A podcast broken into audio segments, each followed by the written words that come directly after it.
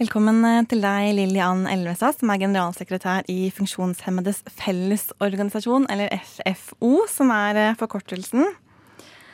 Dere har jo masse kunnskap om det virkeligheten, mm. som eh, oss andre funksjonsfriske er overhodet ikke klar over i det hele tatt, fordi det er så usynlig overalt. Og da må vi jo snakke litt om hvordan det faktisk er å være funksjonshemmet i dagens samfunn. Og litt sånn med tanke på tid, så har vi litt gjennom tre temaer. Mm. Skole, utdanning, fritid, kultur og arbeidsliv. Mm. Fordi det er jo tre ting som er veldig sånn Det er en stor del av livet. Det er en veldig stor del av veldig, livet for ja. oss alle. Og da tenkte jeg at vi kunne starte litt med skole og utdanning. Eh, for vi som studenter er jo veldig opptatt av dette med høyere utdanning. Men det er noe med at man skal komme dit også. Og dere hadde en kronikk for eh, tre kvart år siden, kanskje, omtrent det. Hvor dere sa en del tall. Annet at nesten åtte av ti skoler er utilgjengelige for mennesker med funksjonshemninger. At 40% av spesialundervisningen gis av ufaglærte assistenter. Og at 64% av barn med fysiske funksjonshemninger ikke fullfører videregående skole. Og dette burde jo få folk flest til å reagere ganske heftig. Altså, Er dette fremdeles virkeligheten? Dessverre, ja. Det er det? Ja. Tusen takk for at jeg fikk lov til å komme. Jeg syns det er veldig, veldig bra at Radianova setter dette på dagsorden.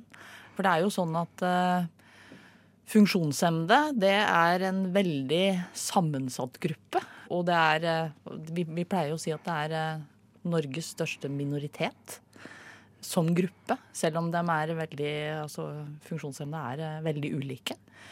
Men det er klart at funksjonshemmede har jo de samme behovene som alle andre. De ønsker å gå på skole, få en utdanning, få seg en jobb, kunne bo eh, som de vil, stifte familie og leve akkurat som du og jeg. Og så trenger de eh, Pga. den sykdommen eller den funksjonshemmen de har, så trenger de ofte noen ekstra tiltak for å kunne realisere det. Og det er ikke spesielle behov, det er helt vanlige behov. Og så er det sånn da at eh, det er faktisk ikke selvsagt at funksjonshemmede fullfører skolen og får en utdanning, om det er videregående skole eller en høyere utdanning. Eh, og det er så veldig, veldig viktig for oss alle for å kunne få en jobb, kunne forsørge seg selv eh, og leve selvstendig. Og så skulle du tro da at i et land som Norge at her har vi råd til å få egnede skolebygg, få et tilpasset undervisningsopplegg for ikke minst kvalifiserte lærere til å uh, undervise. Uh, og gi dem den kunnskapen som trengs, som er så aller veldig, veldig viktig for å få en jobb. Det å ha en utdanning som er viktig for alle for å få en jobb, men den er veldig, og kanskje enda mer viktig, for funksjonshemmede. Og vi ser at funksjonshemmede som får en høyere utdanning har en langt større sannsynlighet for å komme i jobb. Eh, faktisk enn en funksjons, det man kaller funksjonsfriske, da, hvis man skal kalle det det. Er sikkert et feil begrep, men, men liksom for å tydeliggjøre forskjellen. Så er det sånn at i Norge så har man eh, ja, Generelt sett så har man vel ofte mye gamle, dårlige skolebygg. Og det betyr at veldig mange av de skolebyggene ikke er tilrettelagt eller gjort tilgjengelige for funksjonshemmede. Gjelder det da et vidt spekter av funksjonshemmede, eller er det først og fremst de som er avhengig av rullestol? For jeg tenker at det er kanskje de med rullestol hvor de som folk flest tenker på. Men det er vel ikke bare de som trenger en tilrettelagt Nei. skolehverdag? Nei, det er, det er et, et, stort spekter, og det er mange si, når, de, når, vi snakker om universell utforming, det er jo på en måte det, vi, det målet man har, at ethvert bygg er universelt utformet. Og det betyr at om du har en bevegelseshemming, som kanskje krever at du til tider i hvert fall eh, trenger en rundestol, eller du, du har andre former for bevegelseshemming, så, så er det en del av det. Men er du synshemmet eller blind, så trenger du ledelinjer, du trenger kanskje kontraster for å kunne orientere deg. Det er jo en viktig bit av det. Har du en hørselshemming, så må du ha tilrettelagt sånn at du har teleslynge, at du kan faktisk få med deg undervisningen på, på et godt, god måte. Samtidig så snakker vi også om hvordan undervisningsopplegget blir tilrettelagt. Har du de hjelpemidlene du trenger for å kunne delta i undervisningen? Og det, det handler jo også om tilrettelegging av pensum. Det å få en tilrettelagt undervisningsmetode som gjør at du faktisk kan, kan lære. Kan også være så praktisk om at du kanskje ikke har de samme forutsetninger for å delta i kroppsøving. Da må du ha et eget opplegg, sånn at du faktisk kan gjennomføre en videregående skole og få det vitnemålet også med kroppsøving som fag. For det er fullt mulig, men det, det krever at man tenker litt annerledes. Men opplever dere at også det som ikke handler om selve bygningsmassen, når man snakker om tilrettelegging, at det også er litt sånn hinder? At det butter litt når det gjelder tilrettelagt eh, undervisning? Absolutt. Ja. Eh, det som er underlig da, når det gjelder skole, det er jo at eh, de elevene som begynner på barne- og ungdomsskolen, de er veldig svært sjelden en overraskelse for den kommunen. De, de, vet antageligvis om disse barna veldig lenge før de begynner på skolen. Samtidig så ser vi da at når disse barna skal begynne på skolen, så er det veldig sjelden ting er klart. Man begynner altfor sent. Eh, om det gjelder å endre på bygningsmassen, sånn at man Ok, så har man en gammel skole, men man trenger å gjøre en del bygningsarbeid for å gjøre den skolen tilgjengelig. Vi hadde eksempel nå, det var nede i Vestfold, hvor en uke før skolen skulle begynne, så hadde de ennå ikke begynt arbeidene. Og du hadde foreldre som sto med barn som ikke ante hvor, de, hvor skulle disse barna gå nå. Men så gjelder det jo også da, når de har kommet inn døra og opp trappen og, og inn i skolebygget, så er jo spørsmålet har de undervisningsmateriellet som trengs. Og dessverre så opplever vi nok altfor ofte at det undervisningsmaterialet ikke er klart. De får pensumet altfor sent, og sånn sett får et dårligere utbytte av undervisningen det andre elever får. Men for de som da fullfører grunnskolen de ti årene, mm. og så mm. begynner de på videregående, mm. Hvorfor får man et så stort frafall? Hadde jeg hatt svaret på det, ja, da hadde det vært lettere. så hadde det vært veldig mye lettere. Men det vi ser, er at vi har jo hatt en stor debatt de seinere år om spesialundervisning. Mange elever trenger jo en tilrettelagt undervisning. Eh, noen eh, i det man kaller spesialundervisning, andre kanskje egne tilrettelegginger. Men det vi ser, er jo at kunnskapen hos den enkelte lærer ofte er veldig dårlig i forhold til hvordan du kan tilrettelegge for ulike grader av funksjonshemming. Jeg tror nok de fleste lærere som kommer, er lærere i dag på videregående. De, når de møter en klasse, så er det høyst sannsynlig at eh, det er mange eller flere av de elevene som, som har behov for egen tilrettelegging. Og vi har jo spurt ofte, spesielt i Kunnskapsdepartementet, hvilken forutsetning har læreren faktisk for å kunne tilrettelegge? Hvilke kunnskaper har de? Og jeg tror det trengs å gjøre mye i forhold til lærerutdanningen, sånn at de faktisk Eh, stå rusta til å kunne tilpasse undervisningen så godt som mulig innenfor den ordinære undervisningen. Og så har du spesialpedagoger og spesialundervisning for de som trenger det. Men det handler om kunnskap. Det handler om holdninger.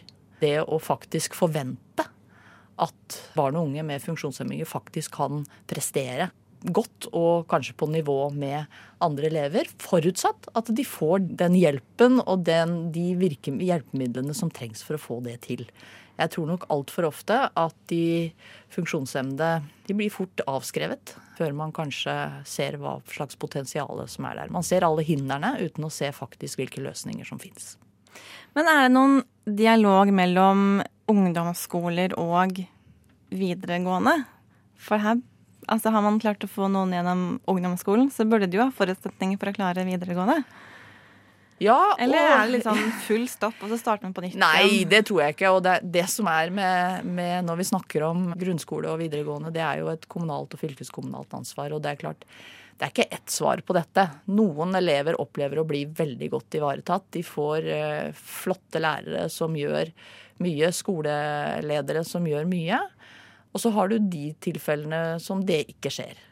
Uh, og det er jo noe av utfordringen i, i det norske samfunnet, er jo at det er hver kommune har sitt ansvar, og det nytter ikke å gå et sted. Du må gå liksom til alle skolene, og det avhenger veldig av den enkelte lærer, det avhenger av den enkelte skoleledelse, og det avhenger av kommunepolitikerne i hvilken grad de evner å, å ha holdninger og vilje til å prioritere disse elevene. Jeg tror at uh, det er veldig individavhengig. Og det er jo det vi på en måte ønsker å komme litt bort fra. At dette skal ikke være avhengig av den læreren eller den skolelederen du, du treffer. Det skal på en måte være en forventning og et krav som på en måte blir tilfredsstilt uavhengig av hvor du bor. Skorter det også mye på kunnskap hos eh, kommune- og fylkespolitikere, tenker du? Ja, det tror jeg. Det, det, skorter på kunnskap, både i forhold til hva som trengs, men ikke minst kunnskap om hvordan realitetene er der de har ansvar. Men det er en kombinasjon. Kunnskap og holdninger henger jo ofte veldig tett sammen. Om det er mangel på kunnskap eller hva som er holdninger i forhold til at man avskriver eh, elever litt for fort.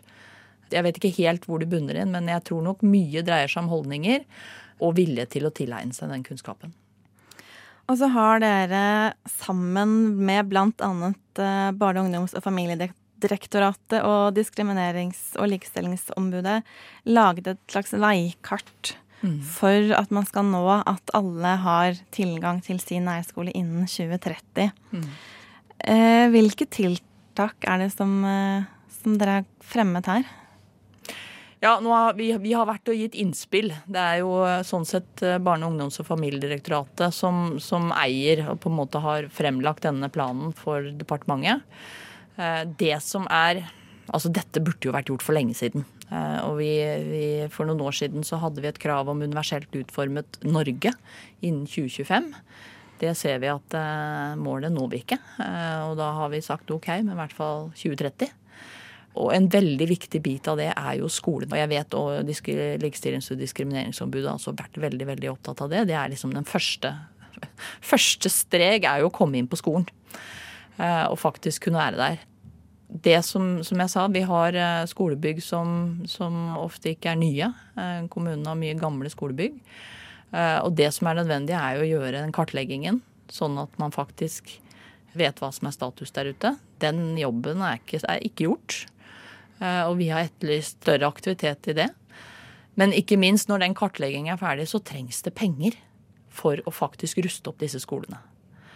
Eh, og det krever eh, Jeg tror det krever nasjonalt påtrykk. Fordi at kommunene de, ja, de har mange oppgaver de skal løse.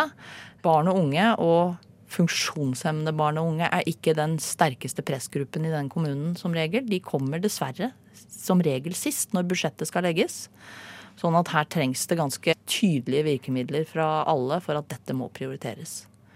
Og så er det dette med, med høyere utdanning. For det er jo funksjonshemmede der også. Mm.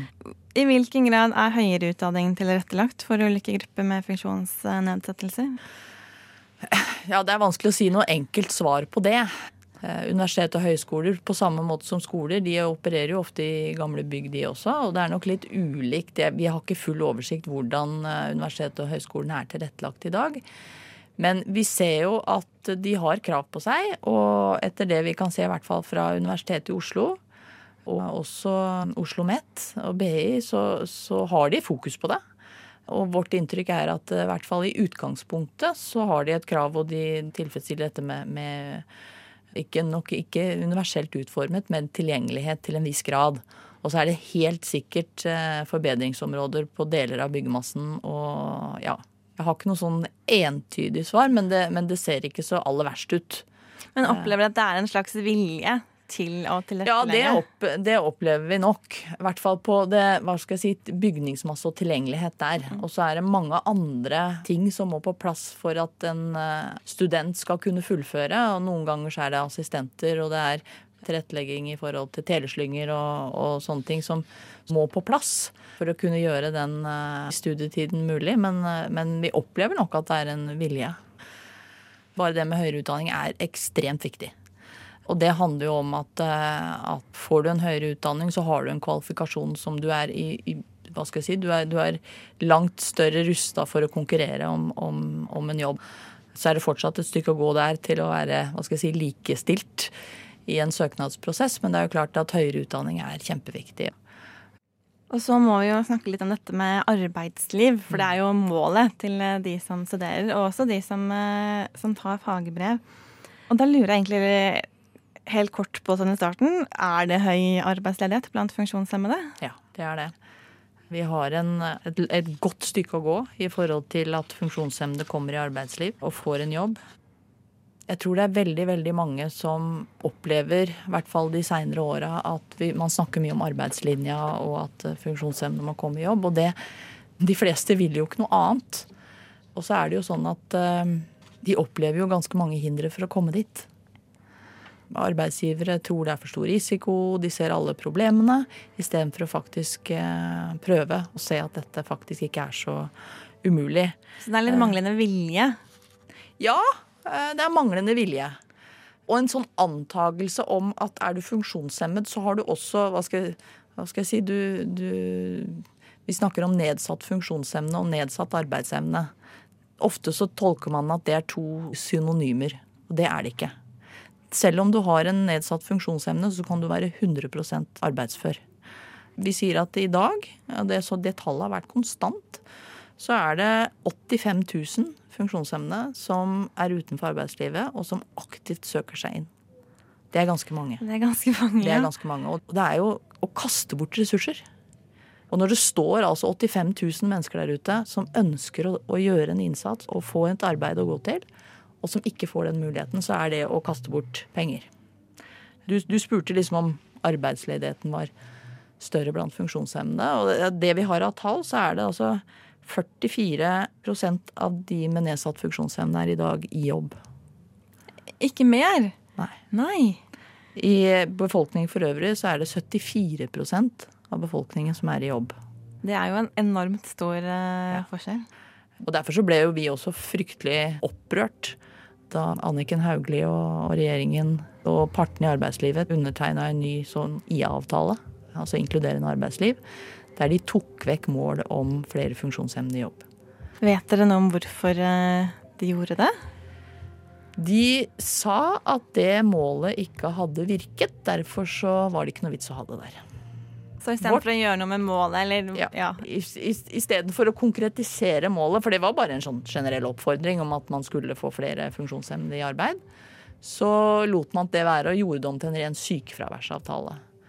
Og vi sa jo at nå satser man på inkluderingsdugnad, man snakker om sysselsettingsdugnad. Eh, og det er, arbeidslinja er viktig.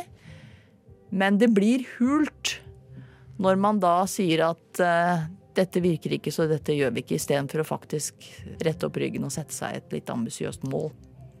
Det virker som en veldig sånn enkel løsning. Ja, og så har man jo satt et krav da, med 5% i staten. Om at 5% av ansettelse i staten skal uh, omfatte de med nedsatt funksjonsevne eller hull i CV-en. Uh, det, det er begge deler? Ja. Ja, for det kunne jo fort vært to forskjellige Det, kunne, det er to forskjellige ja. grupper. ja, det har du helt rett i. Men det gjelder jo da statsansatte. Kommunen de har jo veldig mange arbeidsplasser. De har ikke noe sånt krav. Ikke det hele tatt. Nei. Og de har utfordret KS på det, men de vil ikke det. Nei. Nei. I 2017 så var det en kronikk i Dagbladet skrevet av Marius Auresand, som også jobber i staten og som sitter i rullestol. Mm. Som da forteller at det tok et år mm. før han sa frem at han, hvilke behov han hadde for tilrettelegging før det skjedde. Er det også en sånn gjenganger som dere hører mye? At det tar veldig lang tid før man sier fra om sine konkrete behov før man har fått dette på plass? Jeg tror det avhenger veldig av den lederen eller den, den virksomheten man jobber i. Altså, jeg vet ikke, rett og slett, eh, hvor vanskelig det er. Jeg vet at en del arbeidsgivere sliter med, har slitt med på en måte hva er Navs rolle til å kunne tilrettelegge. Det burde være enkelt. Og så har vi snakket litt om staten, men du nevnte kommunen. Ja. Og vi er jo i Oslo kommune. Ja. Har Oslo kommune gjort noe aktivt for det her? Ja, jeg vil jo si det. Nå har ikke vi noen sånn kåring eller noen vurdering av de enkelte kommuner, men jeg opplever at Oslo kommune har en holdning om at de prøver å få en del ting til. De har gjort litt aktivt i forhold til rekruttering og arbeid. De har hatt trainee-ordninger. Og sånn sett så opplever jeg nok en holdning der som gjør at dette er noe de faktisk prioriterer.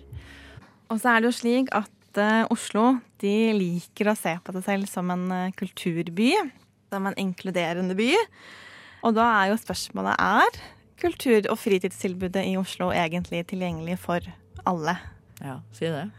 det har dere kanskje ikke noen veldig konkrete tall på? Det som er altså bare sånn som kultur og fritid, da. Fordi at det vi opplever litt sånn på sånn politisk, det er jo at man snakker om utdanning, og man snakker om skole. Og fritid, det er litt sånn Det er ikke så farlig? Eh, ja, nei, altså, ikke sant. Skal man ha BPA eller ordninger, så er det litt sånn fritid, ja. Men det er viktig at de får det liksom i tilknytning til jobb og skole, men fritid er ikke så viktig. Ja, for BPA det er personlig Brukerstyrt personlig assistent. Ja. Man retter liksom alle tjenesteordninger inn mot det at du skal være produktiv, du skal få deg en utdanning og du skal jobbe. Men det er jo klart, hvis du ikke er med i det sosiale, så sliter du også med å komme inn i skole og arbeidsmarked. Dette henger veldig, veldig nøye sammen. Så det å få fritids- og kulturarenaer som er tilgjengelig, og tilbud som kan inkludere alle, og ordninger som kan bidra til at funksjonshemmede faktisk har mulighet til å delta, er ekstremt viktig. Og jeg tror det er, det er en forutsetning også for at, at flere kommer i jobb, rett og slett. Så det er klart at det å få tilgjengelige kulturarenaer, det er ikke så lett. Og så er det, sant, det er mye privat. Og vi har jo sett avisoppslag der man blir nektet adgang fordi man sitter i rullestol. Og så sier ikke jeg at det er kommunens skyld, men altså, kommunene kan sette ganske tydelige krav til arenaer. Veldig ofte så får jo kultur- og fritidsarenaer kommunal og offentlig støtte.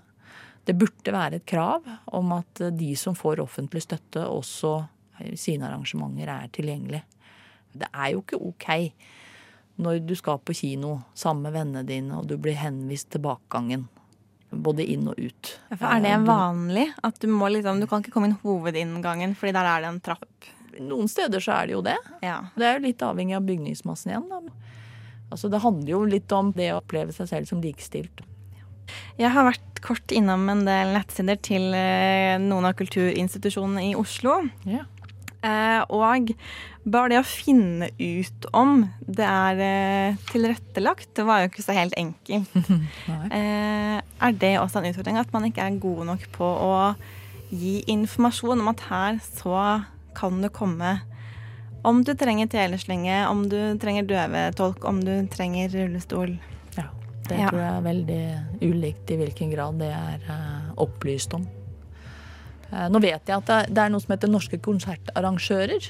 De har gjort et ganske stort stykke arbeid i å ut, lage en veileder for uh, kulturarrangementer til å gjøre det tilgjengelig. og Det, det var, var, en hos oss som var med og, og bidro til det heftet. Og det har vært veldig, veldig bra. Og det kunne vært hva skal jeg si, tatt aktivt i bruk. Eh, ikke minst fra kommunene selv da, i forhold til å kreve at dette her må dere, må dere følge. Eh, men det med informasjon eh, er jo helt avgjørende. Det er jo nitrist. Og det å, å, glede seg til en eller annen forestilling, og så kommer de dit og du tror det er tilgjengelig, og så blir det jo enten, enten så kommer du ikke inn, eller så blir du henvist til et annet område enn der de andre vennene dine er. Jeg har jo hørt historier om man går på konsert og blir henvist til et område der man ikke får kjøpt seg en halvliter engang. Fordi man sitter i rullestol. Det er ikke ålreit. Nei. Og så hadde Dagsavisen en sak på trykk nå i juli med tittelen 'I utelivsbydelen Grünerløkka finnes bare ett utested. Roger kommer inn med rullestol'. Mm. Som også var for min del ganske sjokkerende, for man tenker at uh, det må jo være lettere enn det hvis man sitter i rullestol og komme seg ut, spise middag, gå på mm. kafé, ta seg en kaffe eller vin eller hva som helst. Men er det også en stor grad av virkeligheten? det er en stor grad ja. av virkeligheten. Det er det. Funksjonshemmede må kartlegge litt hvor de har tenkt å gå. Pub til pub er ikke lett. Nei. Fordi at det er begrensa hvor, hvor, du kommer inn. Er det trapper? Er det i det hele tatt rom for eh, en rullestol? Og ikke minst også altså Én ting er jo bevegeligheten, men du har jo også andre, andre hensyn, som, som telesting og, og, dette med å faktisk kunne høre. Da. Så det er en stor del av virkeligheten for veldig veldig mange. Og jeg vet at uh, bare når vi skal ha arrangementer, så må vi ut og kartlegge før vi, før vi gjør noe. Ja. For å faktisk vite at det er, er tilgjengelig. Mm -hmm. Nå er det jo valgkamp, og jeg regner med at dere har uh, noen meninger om viktige tematikker. Eh, så hvis vi tar det litt sånn generelt, hva er viktige saker for dere? Eller eh, på en annen måte, hva ønsker dere at politikerne skulle snakket mer om? Vi har, altså I år så har vi en valgkampkampanje som heter Gi meg fem. Eh, for likestilling av funksjonshemmede i kommunene.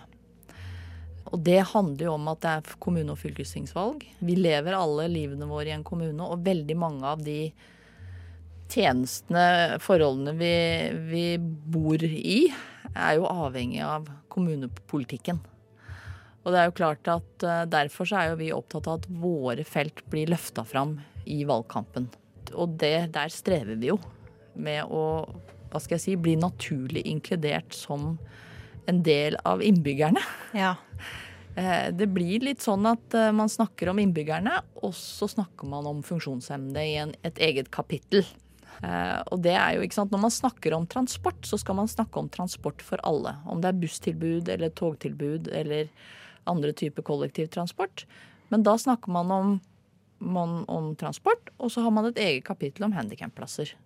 Under kapittelet om funksjonshemmede. Nå, nå, generaliserer jeg veldig, men, men, vi ser jo ofte det at eh, hva skal jeg si, den norske bevisstheten går ikke på at funksjonshemmede er en del av befolkningen samla sett. Men det er befolkningen, og så er det funksjonshemmede i en egen gruppe. Uh, og det ønsker jo vi å sette søkelys på. Det er også en holdning, og det vi også, ser vi jo litt i, i partiprogrammene, at uh, man snakker ikke om likestilling av funksjonshemmede. Man snakker om pleie, omsorg og tjenester for funksjonshemmede, og så er det likestilling av kjønn, etnisitet og seksuell legning, f.eks. Så det er litt begrenset til helse- og omsorgssektoren, ja. og så glemmer man dem i alle andre sektorer? Eh, altså, ja. Eh, det del, altså, ikke det at man glemmer dem i alle andre sektorer, men, men man ser på det som litt sånn særskilte tiltak. Istedenfor å si at dette er faktisk en del av det vi trenger å ha på plass for at vi skal, dekke, vi skal nå eh, og legge forholdene til rette for alle våre innbyggere. Så derfor så har vi løftet det. Dette med kultur og fritid, skole, arbeid og, og helse. Helsetjenestene i kommunene. Det, alle de feltene må, må løftes i en, i en, kommunevalgkamp, på samme måte som de også må løftes i en, en stortingsvalgkamp. Men ikke minst i kommunene, for det er nettopp der man kjenner på kroppen hva slags tilbud man får. Nå nærmer det seg jo eh, valgdag for mm. kommunevalgene. Mm. Eh, og dere har kort sett litt på noen av partiprogrammene. Mm. Eh, finnes dere i partiprogrammene, eller er dere helt usynlige? Nei da, vi fins der. Det, der. det, er jo en start, i hvert fall. Det er en start. Generelt så har vi jo på en måte blir, blir vi jo nevnt, men det er jo som jeg sier at vi blir nevnt i egne innsats. Ja. Egne avs, avsnitt. Uh, som jeg sa, ikke sant? vi er ikke en del av befolkningen generelt. Vi er et, lite, altså et eget, eget avsnitt. Og det signaliserer at det er ikke en av oss, det er de. Det er oss og dem. Den, den andre gruppa litt spesielt. Og det, det, er jo klart at det er en betraktning. Når man snakker om likestilling i partiprogrammene, så snakker man ikke om funksjonshemmede. Vi har én felles likestillings- og diskrimineringslov i Norge. Eh, det er på en måte ikke en bevissthet som ligger verken i storting og regjering ofte, eh, men også i de lokale partiprogrammene. Og det er jo noe som vi virkelig ønsker å sette på dagsorden. At vi snakker om likestilling. Vi snakker om at funksjonshemmede faktisk blir diskriminert.